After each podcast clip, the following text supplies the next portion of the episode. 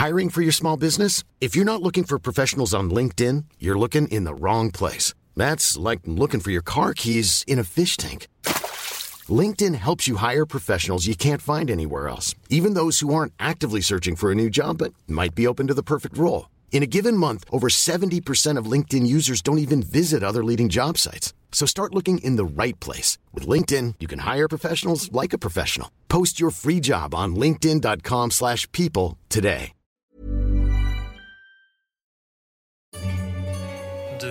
Lyssnar på ännu en jävla relationspodd med Sinat Pirzadeh och Yvonne Skattberg. Hallå Homo sapiens! Hej och välkomna till ännu ett fantastiskt avsnitt av Relationspodden. Ännu en jävla relationspodd med mig och Yvonne Skattberg! Hej allihopa! Och, eh, idag ska vi prata om... Eh, jag och Kina, att vi håller ju på med våra relationer och, eh, och eh, tjafs, ja, ja, det är upp och ner hela tiden. Mm, hallå, hallå, förlåt, jag avbryter. Alla relationer handlar inte om typ fysiska relationer eller relationer med, med en partner. Jag använder inte namnet man eller kvinna. Jag tycker partner är mer könsneutral och det är korrekt. Och jag är väldigt korrekt av mig vissa dagar. Och jag tycker det är oerhört viktigt att det handlar om alla sorters relationer. Mamma och sonrelation, mamma och pojkrelation, pappas relation, relation med sin Arbetskamrater, hund, kamrater, vänner. Chefen. Chefen, ska man kanske fiska lite extra, men jag vet fan. Men i alla fall, jag tycker liksom det handlar om alla sorters relationer. Man kan ha en relation med sina skor, så som jag har. Jag har till och med sovit med min senaste inköp. Och det var väldigt, väldigt tillfredsställande att vakna till den. Faktiskt, jag har också sovit med ett par stövlar en gång som jag köpte. Ett par skitsnygga läderstövlar som jag bara... Alltså, de var på rea och jag tror att alla hade missat dem. Och så var det i en, ganska dyr butik. Min storlek, det ah, finns ju aldrig i storlek 39 i, i affärer. Det är liksom. sant, det är slutsåld. I Iran Och så- finns de kvar. Ja, och så... Eh, Vadå, alla större eller mindre fötter? Eller? mindre fötter, jag var typ missfoster där. Och sen när jag kom hem med de här skorna, alltså jag var så glad. Så jag gick och la mig så la jag, eh, la jag stövlarna i sängen. Då var jag ändå vuxen. Hur gammal att, var du? Ja, men vuxen. Hur gammal är man då? 40 kanske? Inte vet jag. 40! Ja. Fantastiskt, du har rätt. Man blir vuxen lite senare Men då var jag fattig så ensamstående, så att det var väl därför jag var så lycklig att jag hade råd att köpa ett par eh, Jag blev jätterörd. Jag väntade mig en värsta sexberättelsen att du hade träffat en snygg kille och han ville att du ska ha stövlarna på när ni ska... Och så var det bara ett par stövlar. äh, dåligt. Du sabbade min fantasi. Jag är så snuskig. Det pågår ganska mycket porr i mitt huvud. Men idag, eh, eller det var så här, för några veckor sedan så säger Sina att "Ja, jag har en kompis, hon har lagt ner det här med relationer. Och jag, och jag bara, va? Inte lagt ner, lagt den på hylla. Lagt jag. det på hyllan. Men du sa då, själv. då sa du, hon, har- hon har lagt ner relationer. Så då sa vi, måste ju ha med henne i podden. Eh, Det var inte bara det, för det är också för att jag beundrar henne. Hon har gjort så mycket och jag, jag är så chockad att Sveriges media inte uppmärksammar henne. Hon har vunnit högsta pris för danslåt i Hollywood. Har du hört om det ens? nej, det är helt sjukt. Och här är hon idag. Men. Tack så mycket. Jag tror inte man kan önska sig en bättre presentation av två så vackra kvinnor. Jag sitter bara helt förstummad och lyssnar på er här. Ni är så härliga med era iakttagelser. Och tack, tack för kärleken Sinat. Jag sa det till dig häromdagen också. Tack för att du är sån otrolig, jag kallar det för hjärtemänniska. För du har så mycket, jo, men du har så mycket värme för dina medmänniskor och jag blir så, så rörd att du faktiskt ja, men bryr dig på riktigt. Det är inte alla som gör det tänker jag. Att man faktiskt gör, eller jag tänker så här, jag tänkte det häromdagen. Du gör alltid det du säger att du ska göra. Och, och så är jag också, men det är ganska unikt. Att man faktiskt gör det man säger att man ska göra. Så att, men framförallt, tack för att jag får vara här. Tack själv, jag kommer bjuda dig. Jag kommer bjuda dig hela tiden. Jag fick så jävla mycket presenter. du är välkommen här varje lördag. Men berätta nu till julafton. Vi har ju precis träffats, vi känner ju inte varandra och Nej. inte lyssnaren heller. Berätta. Jag ska Vem är du? Ja, men Ja. precis. Jag brukar säga att jag är en livskonstnär, får man säga så? Jag tycker jag. Ja, ja. Nej, men jag är eh, trebarnsmamma säger jag då först för att jag har ju mina tre änglar och de är livet. Eh, jag är artist, sångerska, eh, föreläsare, eh, författare. Jag har, gjort, jag har gjort lite allt möjligt i livet. Men framför allt tror jag att jag brinner för att få människor att våga. Och våga, men att, att hoppa i livet och göra det man tror på. Och för att våga inspirera, eller kunna inspirera, så måste man ha hoppat själv. Och det hävdar jag att jag har gjort många gånger i livet. Liksom. Att, att ibland så måste man offra för att våga hoppa, men att det alltid är värt det för att följa sina drömmar. Ja. Så det är väl den korta summeringen. Liksom. Kan, du säga också ditt, kan du också säga ditt namn efter namn för alla lyssnare? Så att, eh, och sen gärna tips var man kan hitta dig. Det ska jag absolut göra. Får jag prata om mig själv? Det är fantastiskt. Ja, det tycker jag verkligen. Jag är nyfiken på det här som du berättade om, de här hoppen. Ja, men tack så mycket. Ja. Therese Naim heter jag. Jag är stolt eh, halvlibanes. Min pappa är från eh, Libanon och mamma är svensk. Men jag är född i Sverige. Så Therese Naimi, man hittar mig ja, men överallt på Youtube och Spotify och theresenaimi.com och så. Nu har jag fått göra lite self-reklam här. Therese Denaro har det här. Det är vår första gäst. Det här är premiär, men vi kommer att ha Woho! fler gäster. Yeah! vi kommer att ha fler gäster också i framtiden. Och eh, vi är väldigt nyfikna på dig. Det är därför du är här. Jag är helt förundrad över hur du jonglerar alla livspussel i ditt liv och ändå briljerar och bara kammar hem pris efter pris och ser bedårande ut. Och det känns som att också att du växer och blir längre varje gång jag träffar dig. Jag vet inte hur du bär dig åt. Synat. Jag har inte blivit längre som vi såg sist, men, men jag är en 80, det är sant, det stämmer. Jag tror att man faktiskt växer när man gör det man vill i livet. Och när man fokuserar också. Eh, vi pratade om när jag kom att, ni, ni, presenterade mig som att jag har lagt förhållandet på hyllan. Men det har jag nog inte. Men jag tror att man, vad ska jag säga, man har bara så mycket fokus. Och nu har jag tre små barn. Och jag tror att de behöver mig. Och jag, och jag tror att jag kan gå framåt i livet för att jag just nu inte behöver liksom, eh, eh, vad ska jag säga, eh, eh vad är ordet, förmedla, eller, eller eh, vad heter det ordet? Alltså, jag vet inte vad ordet är, men av det du berättar det känns som att du är hel i dig själv. Du behöver ingen som ska komplettera dig och du vill ta din tid för dina barn. Tolkar jag dig rätt? Det är precis rätt, absolut. Och jag tänker så här att um, när man... Jag, jag, kommer från en bakgrund, jag växte upp i gamla Enskede. Och jag hade några år i skolan där jag faktiskt blev ganska mobbad eh, på ett löst rykte att, att jag skulle vara rasist. Kan ni tänka er det? Va? Nej. Ja, nej men det är så roligt. Jag hade, alltså det är komiskt.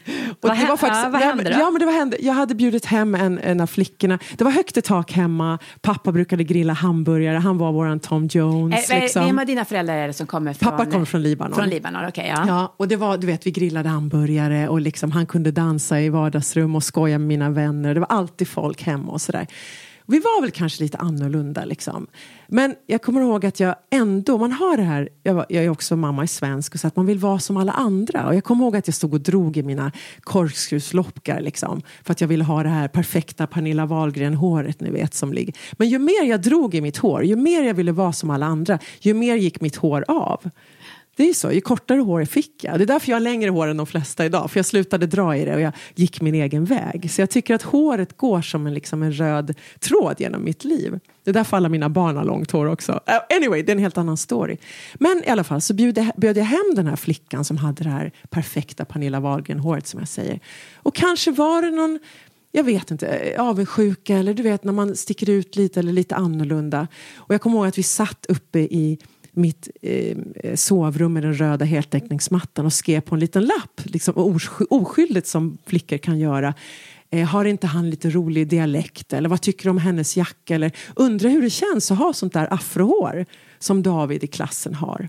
Och på det så spred hon att jag skulle vara rasist för att jag hade sagt någonting om hans hår. Och jag ville ju skrika. Ja, men ser ni inte? Jag är ju liksom, jag är ju som jag sa då svartskallig själv. Och då menar jag som ett fint ord liksom.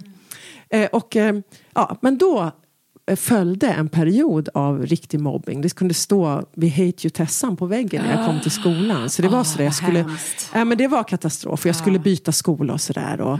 Men jag brukar säga det när jag är runt och föreläser i skolor. För jag har varit i mycket med samarbete med länsmusiken. Då. då brukar jag säga så här, jag var bra på två saker. Jag var snabbast i klassen. Och jag kunde dansa eftersom min pappa hade ju varit Tom Jones där hemma i Enskede-villan. Ja.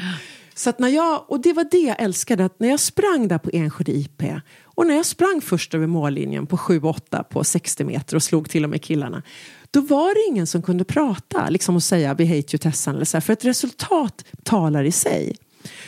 Och det här var ju liksom någonting som jag lärde mig som 10-11-åring att jag kan påverka mitt eget öde om jag bara släpper chipspåsen och inte är lat. Mm. Förstår du vad jag menar? Ja. Och det är ju otroligt liksom att, att lära sig det när man är så ung.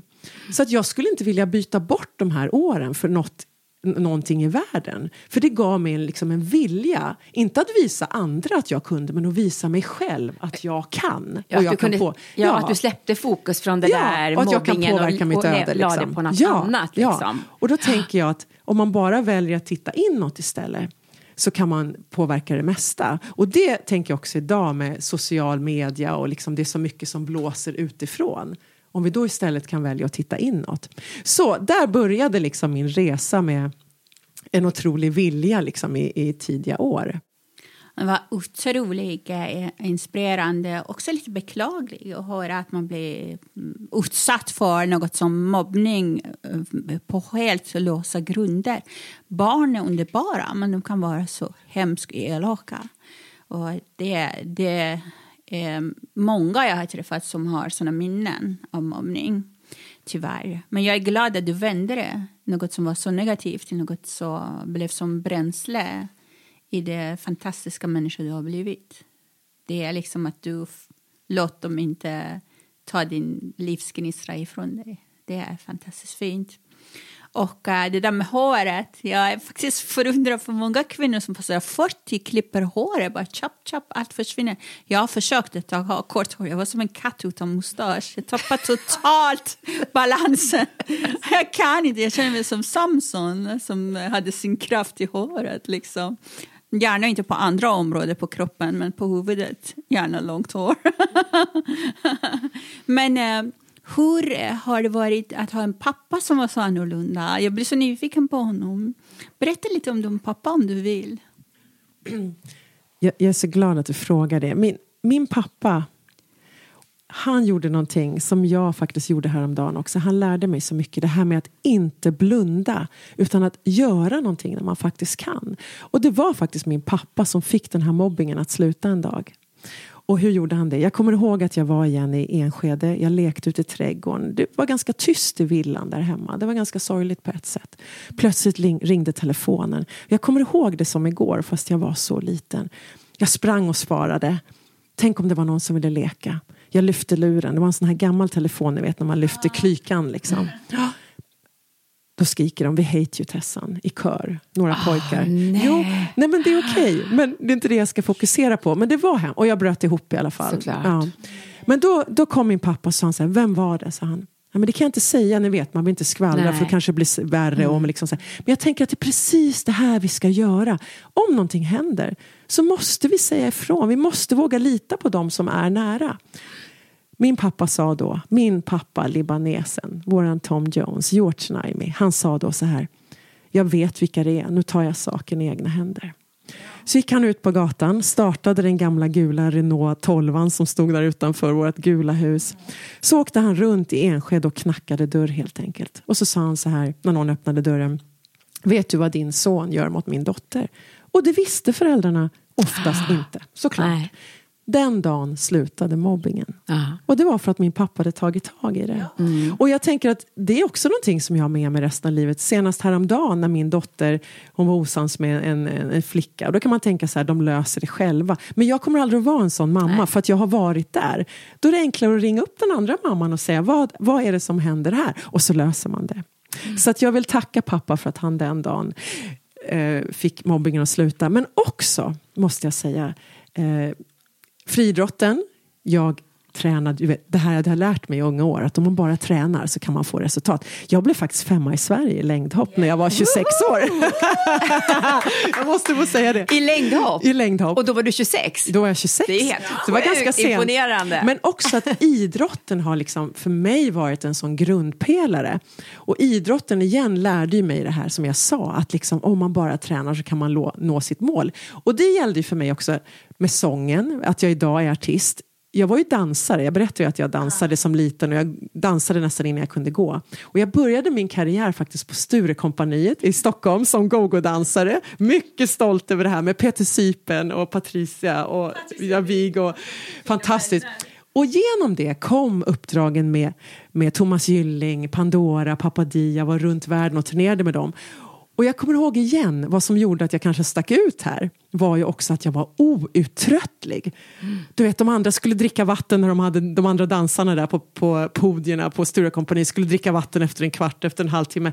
Du vet, jag dansade i fyra timmar nonstop. Liksom. Kanske inte helt bra, men du vet, det var det, ni vet, men det var det här helt outtröttliga liksom, och att jag älskade det. Och att jag tror också det här att jag fick, fick bli någon i vad jag kunde. I, inte att jag skulle visa igen de andra, men att visa mig själv att jag kunde. Och inte på ett pressat sätt, utan bara för att jag älskade dansen mm. och liksom det här kraften i kroppen. Liksom. Mm. Och där kom de här olika dansjobben. Och då hade jag, för att knyta in då på relationer, så hade jag träffat en jättefin man som var dörrvakt och jag var dansare, det var lite bodyguard över det här förstår ni. Han var med, ja, jag, hör, jag ser ja, ja, ja, ja, men det var liksom, och vi var det här, skulle jag säga, en perfekta paret inom situationstecken. Liksom. Han var jättefin man, verkligen.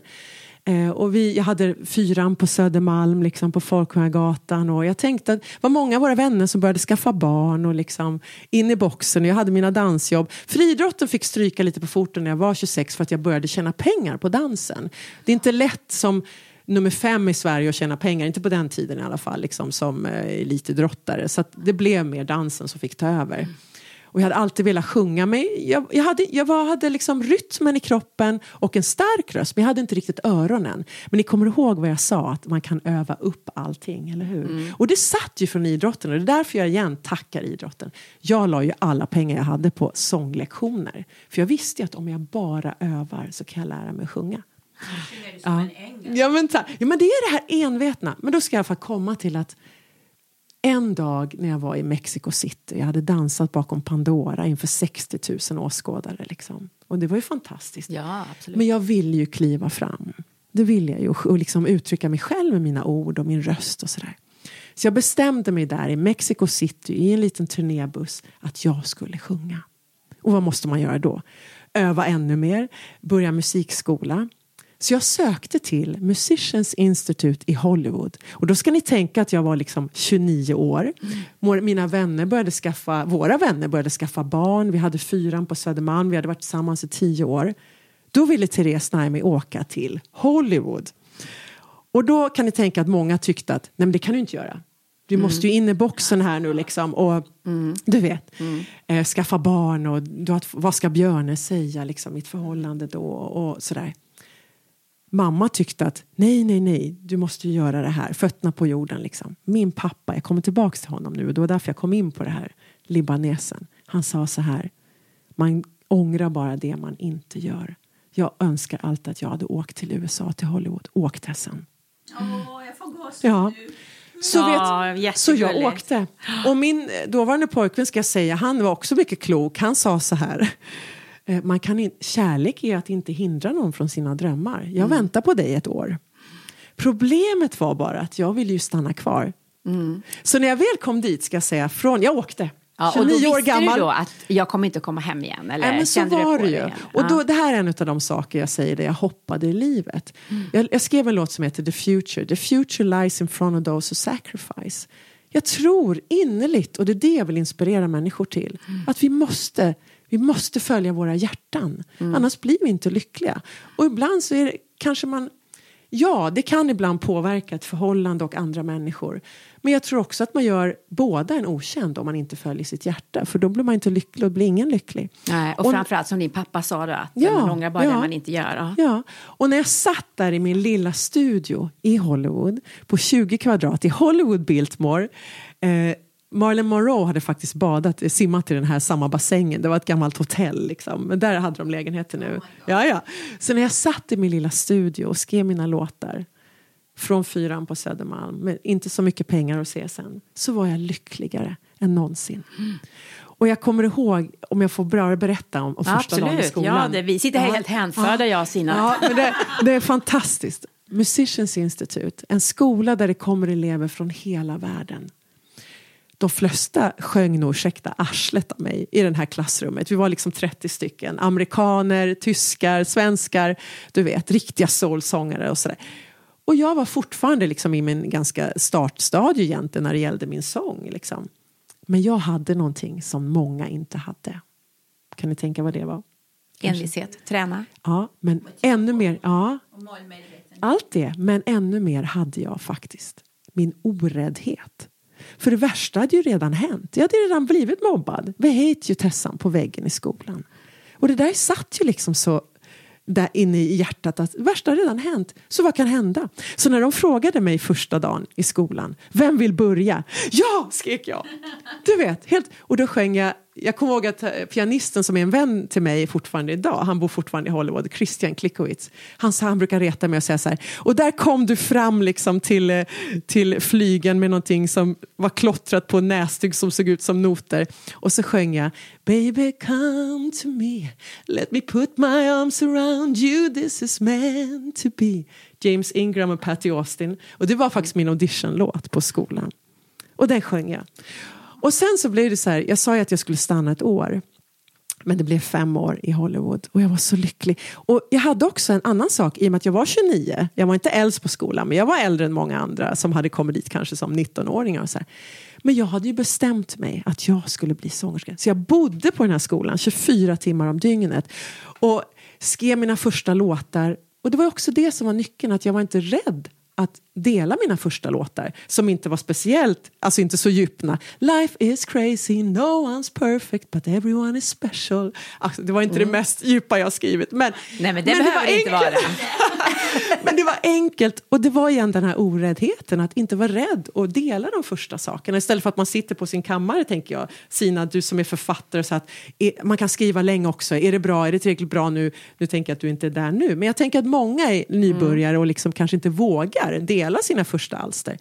Men att jag vågade det gjorde ju att vi snart var det ledande bandet i skolan. Liksom, och mm. The Naime Band och, och sådär. Så att skolan, det var ju där jag ändå blev sångerska. Mm. Ja, så att, um... Men alltså, nu blir jag så nyfiken. För du säger du var jättelycklig och sådär och du har lämnat en väldigt bra man kvar i Sverige.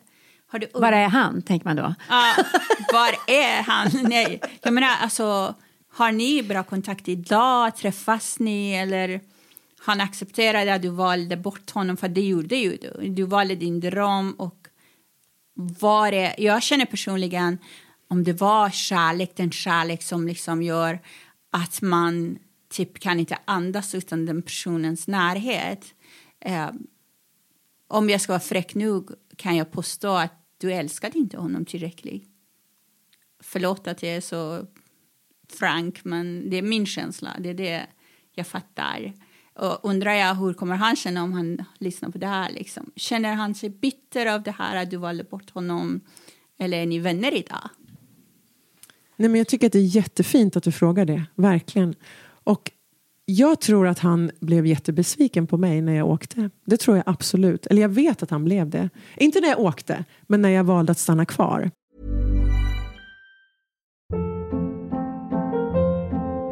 Hold up. What was that? Boring. No flavor. That was as bad as those leftovers you ate all week. Kiki Palmer here, and it's time to say hello to something fresh and guilt-free. Hello Fresh. Jazz up dinner with pecan-crusted chicken or garlic butter shrimp scampi. Now that's music to my mouth. Hello Fresh. Let's get this dinner party started. Discover all the delicious possibilities at hellofresh.com.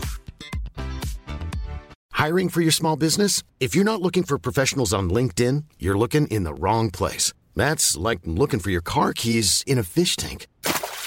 LinkedIn helps you hire professionals you can't find anywhere else, even those who aren't actively searching for a new job but might be open to the perfect role. In a given month, over 70% of LinkedIn users don't even visit other leading job sites. So start looking in the right place. With LinkedIn, you can hire professionals like a professional. Post your free job on linkedin.com slash people today. Eh, jag har, men han var någon helt annanstans i livet. Och jag tänker det här som jag sa förut, att ibland så följs man åt en viss tid men man ska sen åt olika håll. Och faktum är att han träffade någon bara efter något år, eller om det var ett halvår efter det här, och faktiskt gifte sig och skaffade barn. Så att han hade en helt annan resa. Men jag ska helt ärligt också säga att jag har saknat honom många gånger senare i livet, för att han var en fantastisk man. Det var han verkligen. Så det kan vara en sorg att jag gjorde det. Men jag kommer aldrig att ångra det valet. För att utan det valet hade jag inte blivit den jag ska vara. Så, att jag, så, så är det verkligen. Och jag, visst har jag lekt med tanken, vad hade hänt om jag hade stannat kvar? Men då vet jag att jag inte hade varit där jag är idag och i det rätt elementet som var meningen för mig. Och jag tror, eller jag, jag, jag vet inte riktigt, vi har haft lite kontakt men inte nu på många år. Men jag tror att han är jättelycklig idag med sin familj och sin. Så det var meningen. Ja, så det var meningen. Så. Fast då hade, du kanske, då hade du suttit med den andra, eh, eh, eh, vad heter det, regret? Nu ja. får man ju helt engelska i huvudet. Då hade du ångrat att du inte kom iväg. Så att ja, hur du än hade gjort så hade du någonstans och, och, äh, ångrat eller inte vetat vad var rätt väg. Och, och jag tror att där kan man ju välja att gå som en åsna mellan två höbalar hela livet. Man måste ju fatta besluten och ta en, mm. en inriktning.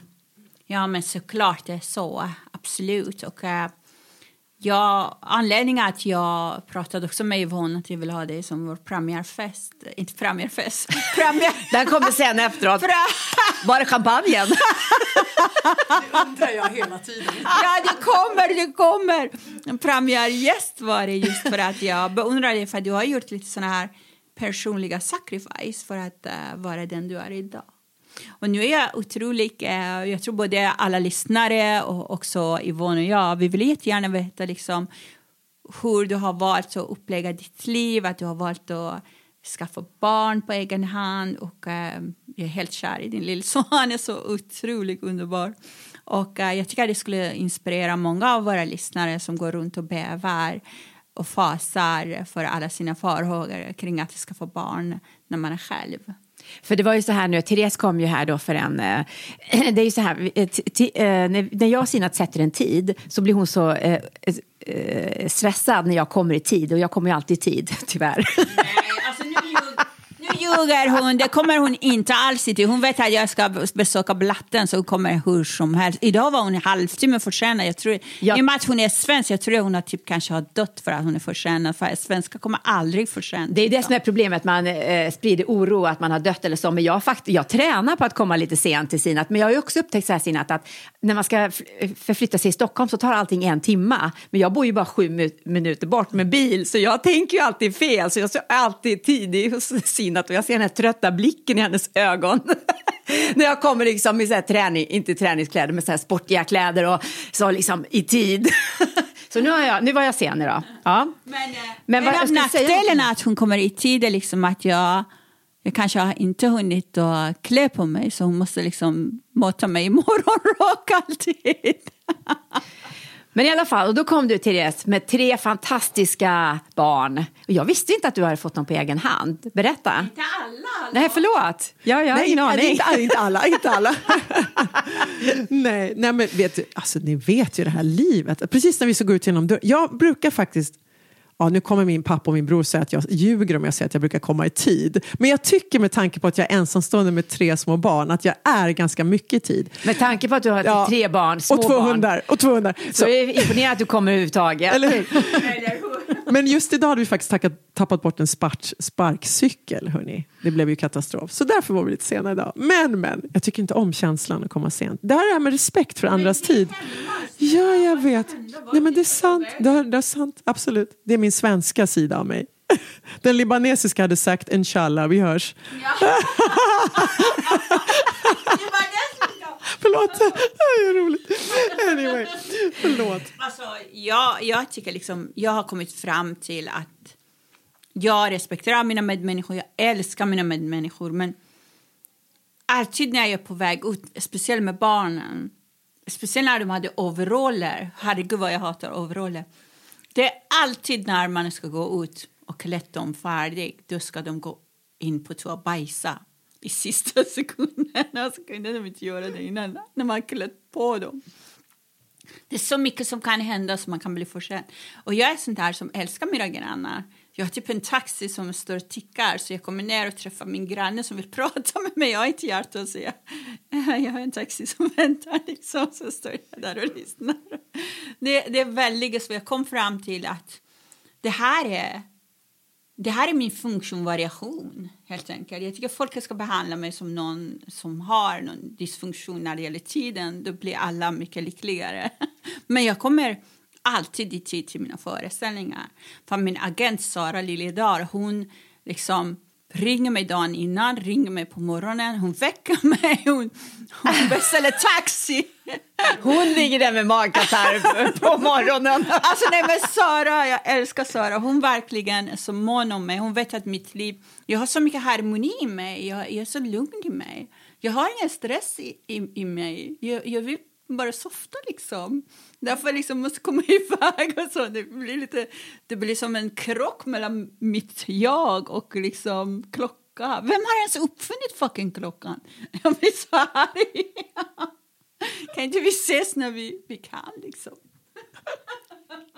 Jag bara sitter och tittar på Sina. Hon är underbar alltså. Underbar. Ja.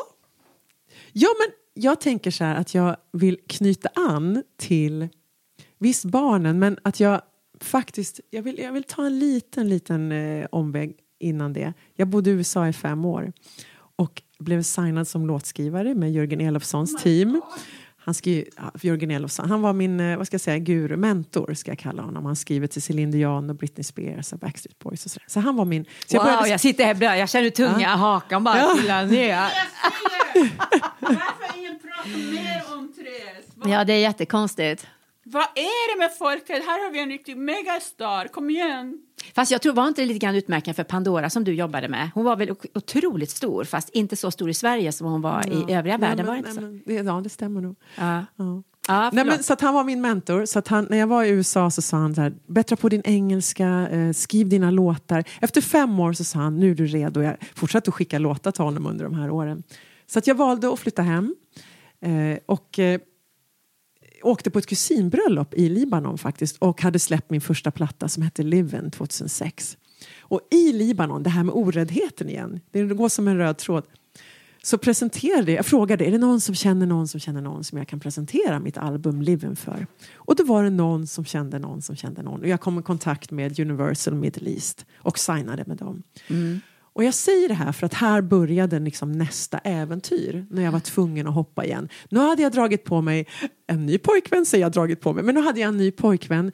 Vi, han hade varit med mig i Los Angeles, eh, han flyttade faktiskt dit. Det var väldigt romantiskt. Han kom dit och flyttade dit efter mig. Ja, men det måste jag säga, det var fantastiskt. Vi bodde i en tvåa nu på, vid Norrtull och vi hade nu två stycken chihuahuor. Ja, och då tänkte jag så här, jag signade med Universal Middle East och då sa de så här men om du ska kunna bygga en karriär i Mellanöstern, eftersom jag också är halvlibanes, så måste du kunna vara här. Och då signade jag kontrakt med dem och också på att sjunga på lyxhotell i Dubai. Vilket följde av nio år i Dubai. Varje höst i Dubai i nio år.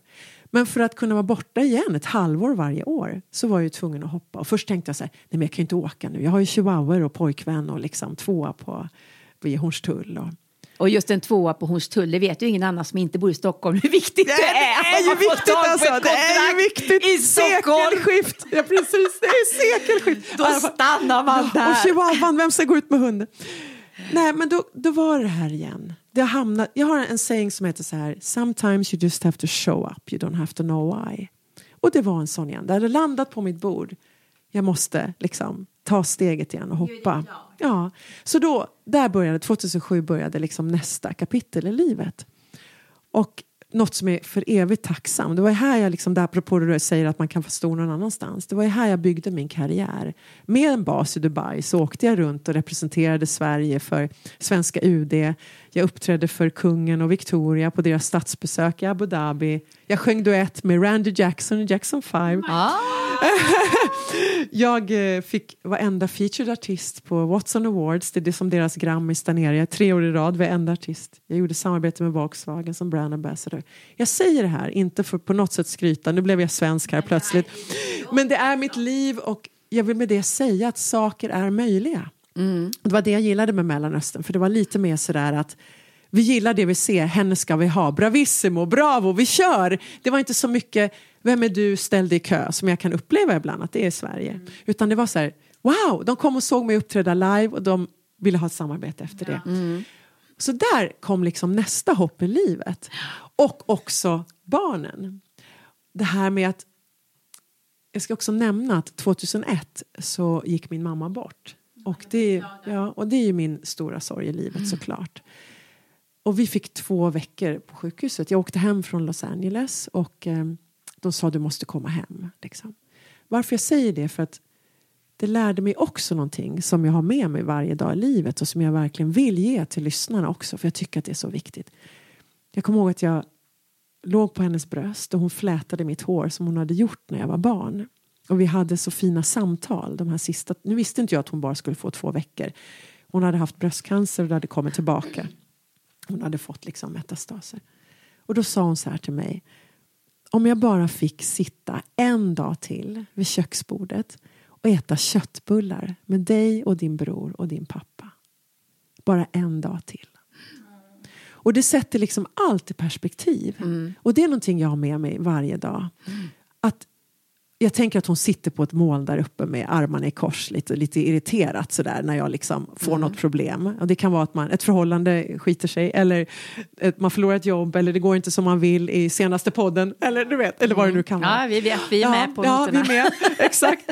Och då tänker jag så här, då sitter mamma där uppe och så säger hon så här, men Tessan, hon kallade alltid mig Tessan. Du har ju en dag till. Vad är det för problem? Du Ja. kan ju göra om imorgon, du kan göra rätt imorgon, ringa det där samtalet eller liksom. Och det är verkligen någonting som jag vill ge till lyssnarna att hur jävligt det än känns idag så kan vi göra om imorgon så länge vi har livet. Mm, solen går upp imorgon Ja, och det, jag vet att det är en av mina grejer som jag... Men det är en av mina grejer som jag tjatar om Inte i till mina medmänniskor. Precis, exakt. Nej, Det är väldigt sällan solen går upp här faktiskt. Jag ändå. jag tar tillbaks det. Någon gång i, början, i slutet på mars I går slutet på solen mars upp. går solen upp. Men det är någonting som vi liksom kan ha med oss varje dag, att det kan bli bättre imorgon. Och det var någonting också som hon lärde mig. Men hon sa också, nu ska jag komma in på barn, hon sa så här. Jag är så rädd att du ska missa ditt race för att du, du ska missa ett annat race för att du jagar din dröm så hett. För hon tänkte på att jag var i Hollywood och jag skulle, liksom, jag, tyck, jag skulle bli stjärna. Du vet. Jag sa att det är så viktigt för mig att du är stolt för mig. Och det är det ju också för, för alla barn, att det är viktigt att föräldrarna är stolta. Det spelar ingen roll om man är 8 eller om man är 20. Eller. Och då sa hon så här. För mig spelar det ingen roll om du är gatsopare eller artist. En mamma vill ha sina barn nära. Och då fattade jag inte alls vad hon menade. Jag tänkte, vadå? då? Jag är i Hollywood, det måste ju vara bättre än att sopa gatan, tänkte jag då. Nu när jag har egna barn så fattar jag precis vad hon menar. Jag vill ju bara ha dem nära. Såklart. Men så sa hon också, jag är så rädd att du missar racet med att skaffa barn för att du jagar din dröm så hett i Hollywood. Ja. Hur gammal var du då ungefär? Ja, men då, då var jag ju bara när hon dog 31. Ja. Mm. Men det skulle dröja. Sen kom ju den här äh, klivet då till Mellanöstern när jag var 37. Och åren gick ju. Och jag började liksom, och jag ville verkligen ha barn. Men så kom han då, eh, lilla Lukas, när jag var 39. Jag fyllde 40 precis. Eh, och jag fick kämpa ganska länge. Vi fick kämpa. Och det var då med min dåvarande pojkvän. Chihuahua-mannen som jag säger. men, men då var det så där också att det här med att visa att saker är möjliga. Jag tog ju Lukas under armen och tog med honom till, till, eh, på kontrakt, långkontrakt i, eh, i Dubai. Så att jag hade ju en liten pojke under armen och så åkte jag och min dåvarande pojke jobbade, pojkvän jobbade ju hemifrån. Så att jag var väldigt liksom, van Så han att kunde följa med själv. ner också? Nej det kunde han inte Nej. utan han kom liksom och reste och kom dit kanske tio dagar i mitten och sådär. Och jag tjänade ju mina pengar här och det, jag byggde en karriär. Sen eh, har jag alltid velat ha en stor familj och det no matter what, liksom. Vad det är som är. Och det beror nog på också att min mamma dog så tidigt och att vi är så få i Sverige. Jag har en jättestor familj i Libanon men i Sverige är vi inte så många. Liksom. Så att jag har alltid känt att jag måste fylla på. Liksom. Ah! Så att när jag var 44 så kom då Nicky. Liksom. Och då var det många som sa till mig att liksom, nu får du nog rätta dig in i ledet här och leva Svenssonlivet. Och inget fel på det, men jag ville alltid mera. Liksom. Så jag menar inte det som något dåligt alls, men jag ville mera. Och då när folk säger att nu, kan, nu får du stanna hemma, nu har du ju två barn. Då triggas jag, vet du. då vill jag visa ännu mer att det är möjligt. Så då tog jag en tre veckors Nicky under ena armen och en två och ett halvt årig Lukas under andra och drog ner till Dubai igen.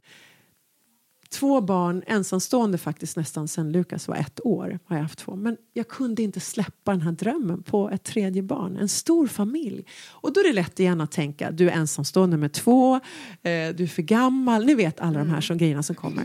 Vad gör jag då? Jag frågar Tessan, vad vill du? Jag vill ha en stor familj mamma. Så som 47-åring så, så skaffade jag faktiskt min lilla Lennox själv. Han föddes när jag var 48. Mm. Och jag är så otroligt tacksam.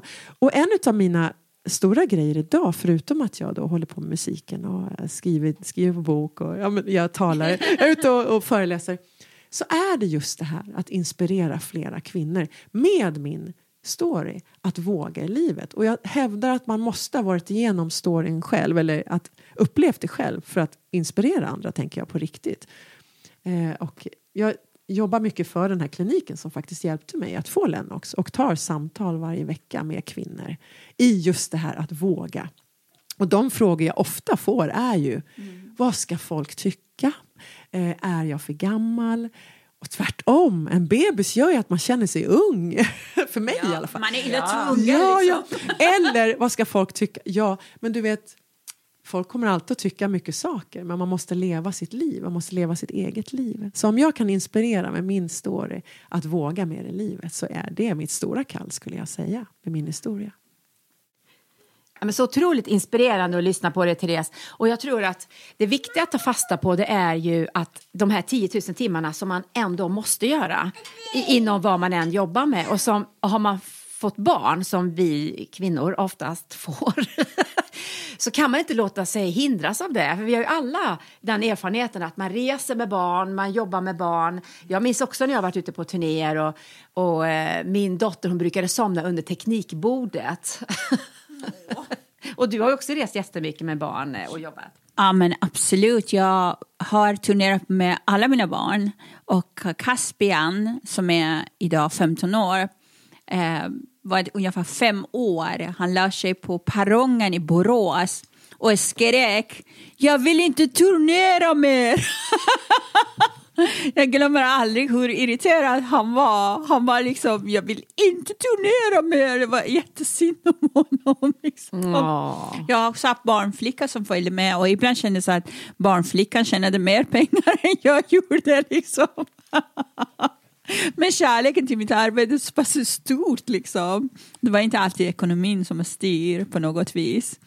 Men eh, så är det. Men en sak som gjorde mig ytterst irriterad när jag hade problem med exet och sådär så började han liksom eh, vara arg på mig för att jag prioriterade jobbet före honom. Medan jag var den som hade större delen av försörjningsansvaret. Ja, men, eh, så det, det inte... låter ju helt sjukt. Insåg det... han inte det? Såg han inte det på kontot? Nej, alltså det är liksom... Men alltså det det är, ofta är det vi kvinnor, vi blir liksom, liksom anklagade för, för att vi är arbetsnoggranna eller arbetsmedvetna eller ar, ar, arbetar och uh, satsar på det. Vi älskar liksom, eller vi behöver också jobba med det vi älskar för att kunna försörja vår familj och våra barn. Men, eh, men om en man gör det och typ knappt träffar sina barn och det här är attityden som gör mig ytterst irriterad. På, I Sverige vi har jämställdhet, men om en pappa som lämnar och häm, hämtar på, på dagis, alla ger honom så jävla mycket eloge. Men kanske kvinnan är den som måste göra allt annat. Städa, mm. tvätta, diska, handla. Herregud, jag hade förverknings... Jag hade verk, eh, förlossningsverk liksom. Förlossningsverk eh, på scenen. Ändå så jobbade. Mm. Och så blir det så där man anklagar för att det är mitt fel att relationen inte höll liksom. Nej. Man, alltså, jag blir så Nej, man lever ju mycket närmare barnen hela tiden. Jag minns när jag var ute och turnerade vid ett tillfälle så skulle mina föräldrar ta, ha hand om mina barn. De eh, bor nere i Västergötland. Och så tog jag tåget ner mellan Alvesta, Göteborg och bytte. Och så hade jag preppat ungarna och sagt nu står mormor och morfar på tågstationen. Så kliver ni av på stationen men jag skulle fortsätta med tåget. så att alla var preppade, tågkonduktören och allting. Och, och, och så fick jag stå där i Limmared då ute i skogen och så bara knuffa av ungarna och sa hej då! Och så stod mormor och morfar och tog på och ungarna var helt chockade, bara så här, buff, dörren åkte igen, puff, tåget åkte iväg med mamma.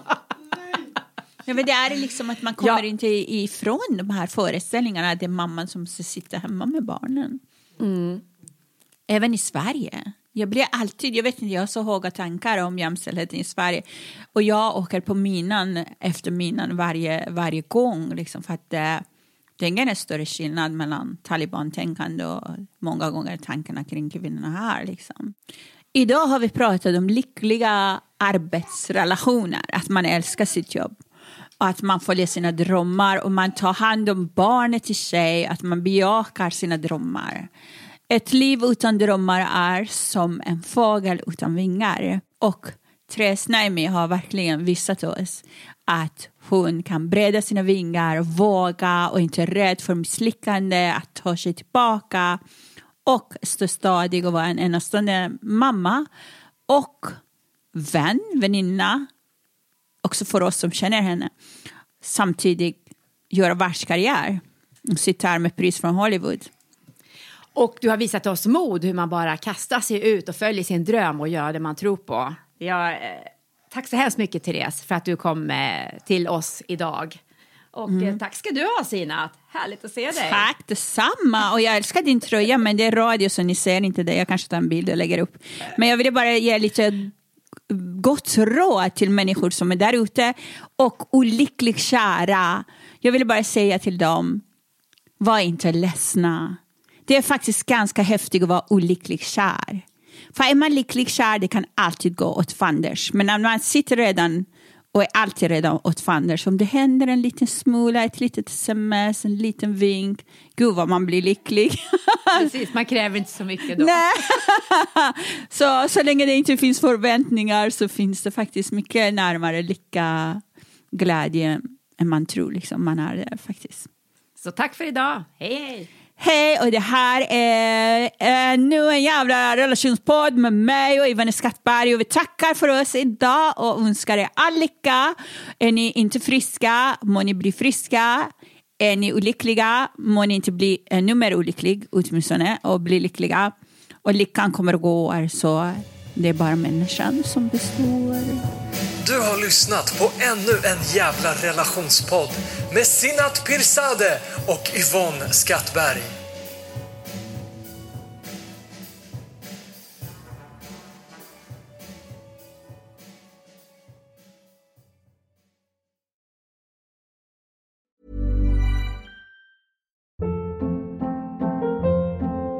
Hold up. What was that? Boring. No flavor. That was as bad as those leftovers you ate all week. Kiki Palmer here, and it's time to say hello to something fresh and guilt-free. Hello Fresh. Jazz up dinner with pecan-crusted chicken or garlic butter shrimp scampi. Now that's music to my mouth. Hello Fresh. Let's get this dinner party started. Discover all the delicious possibilities at hellofresh.com.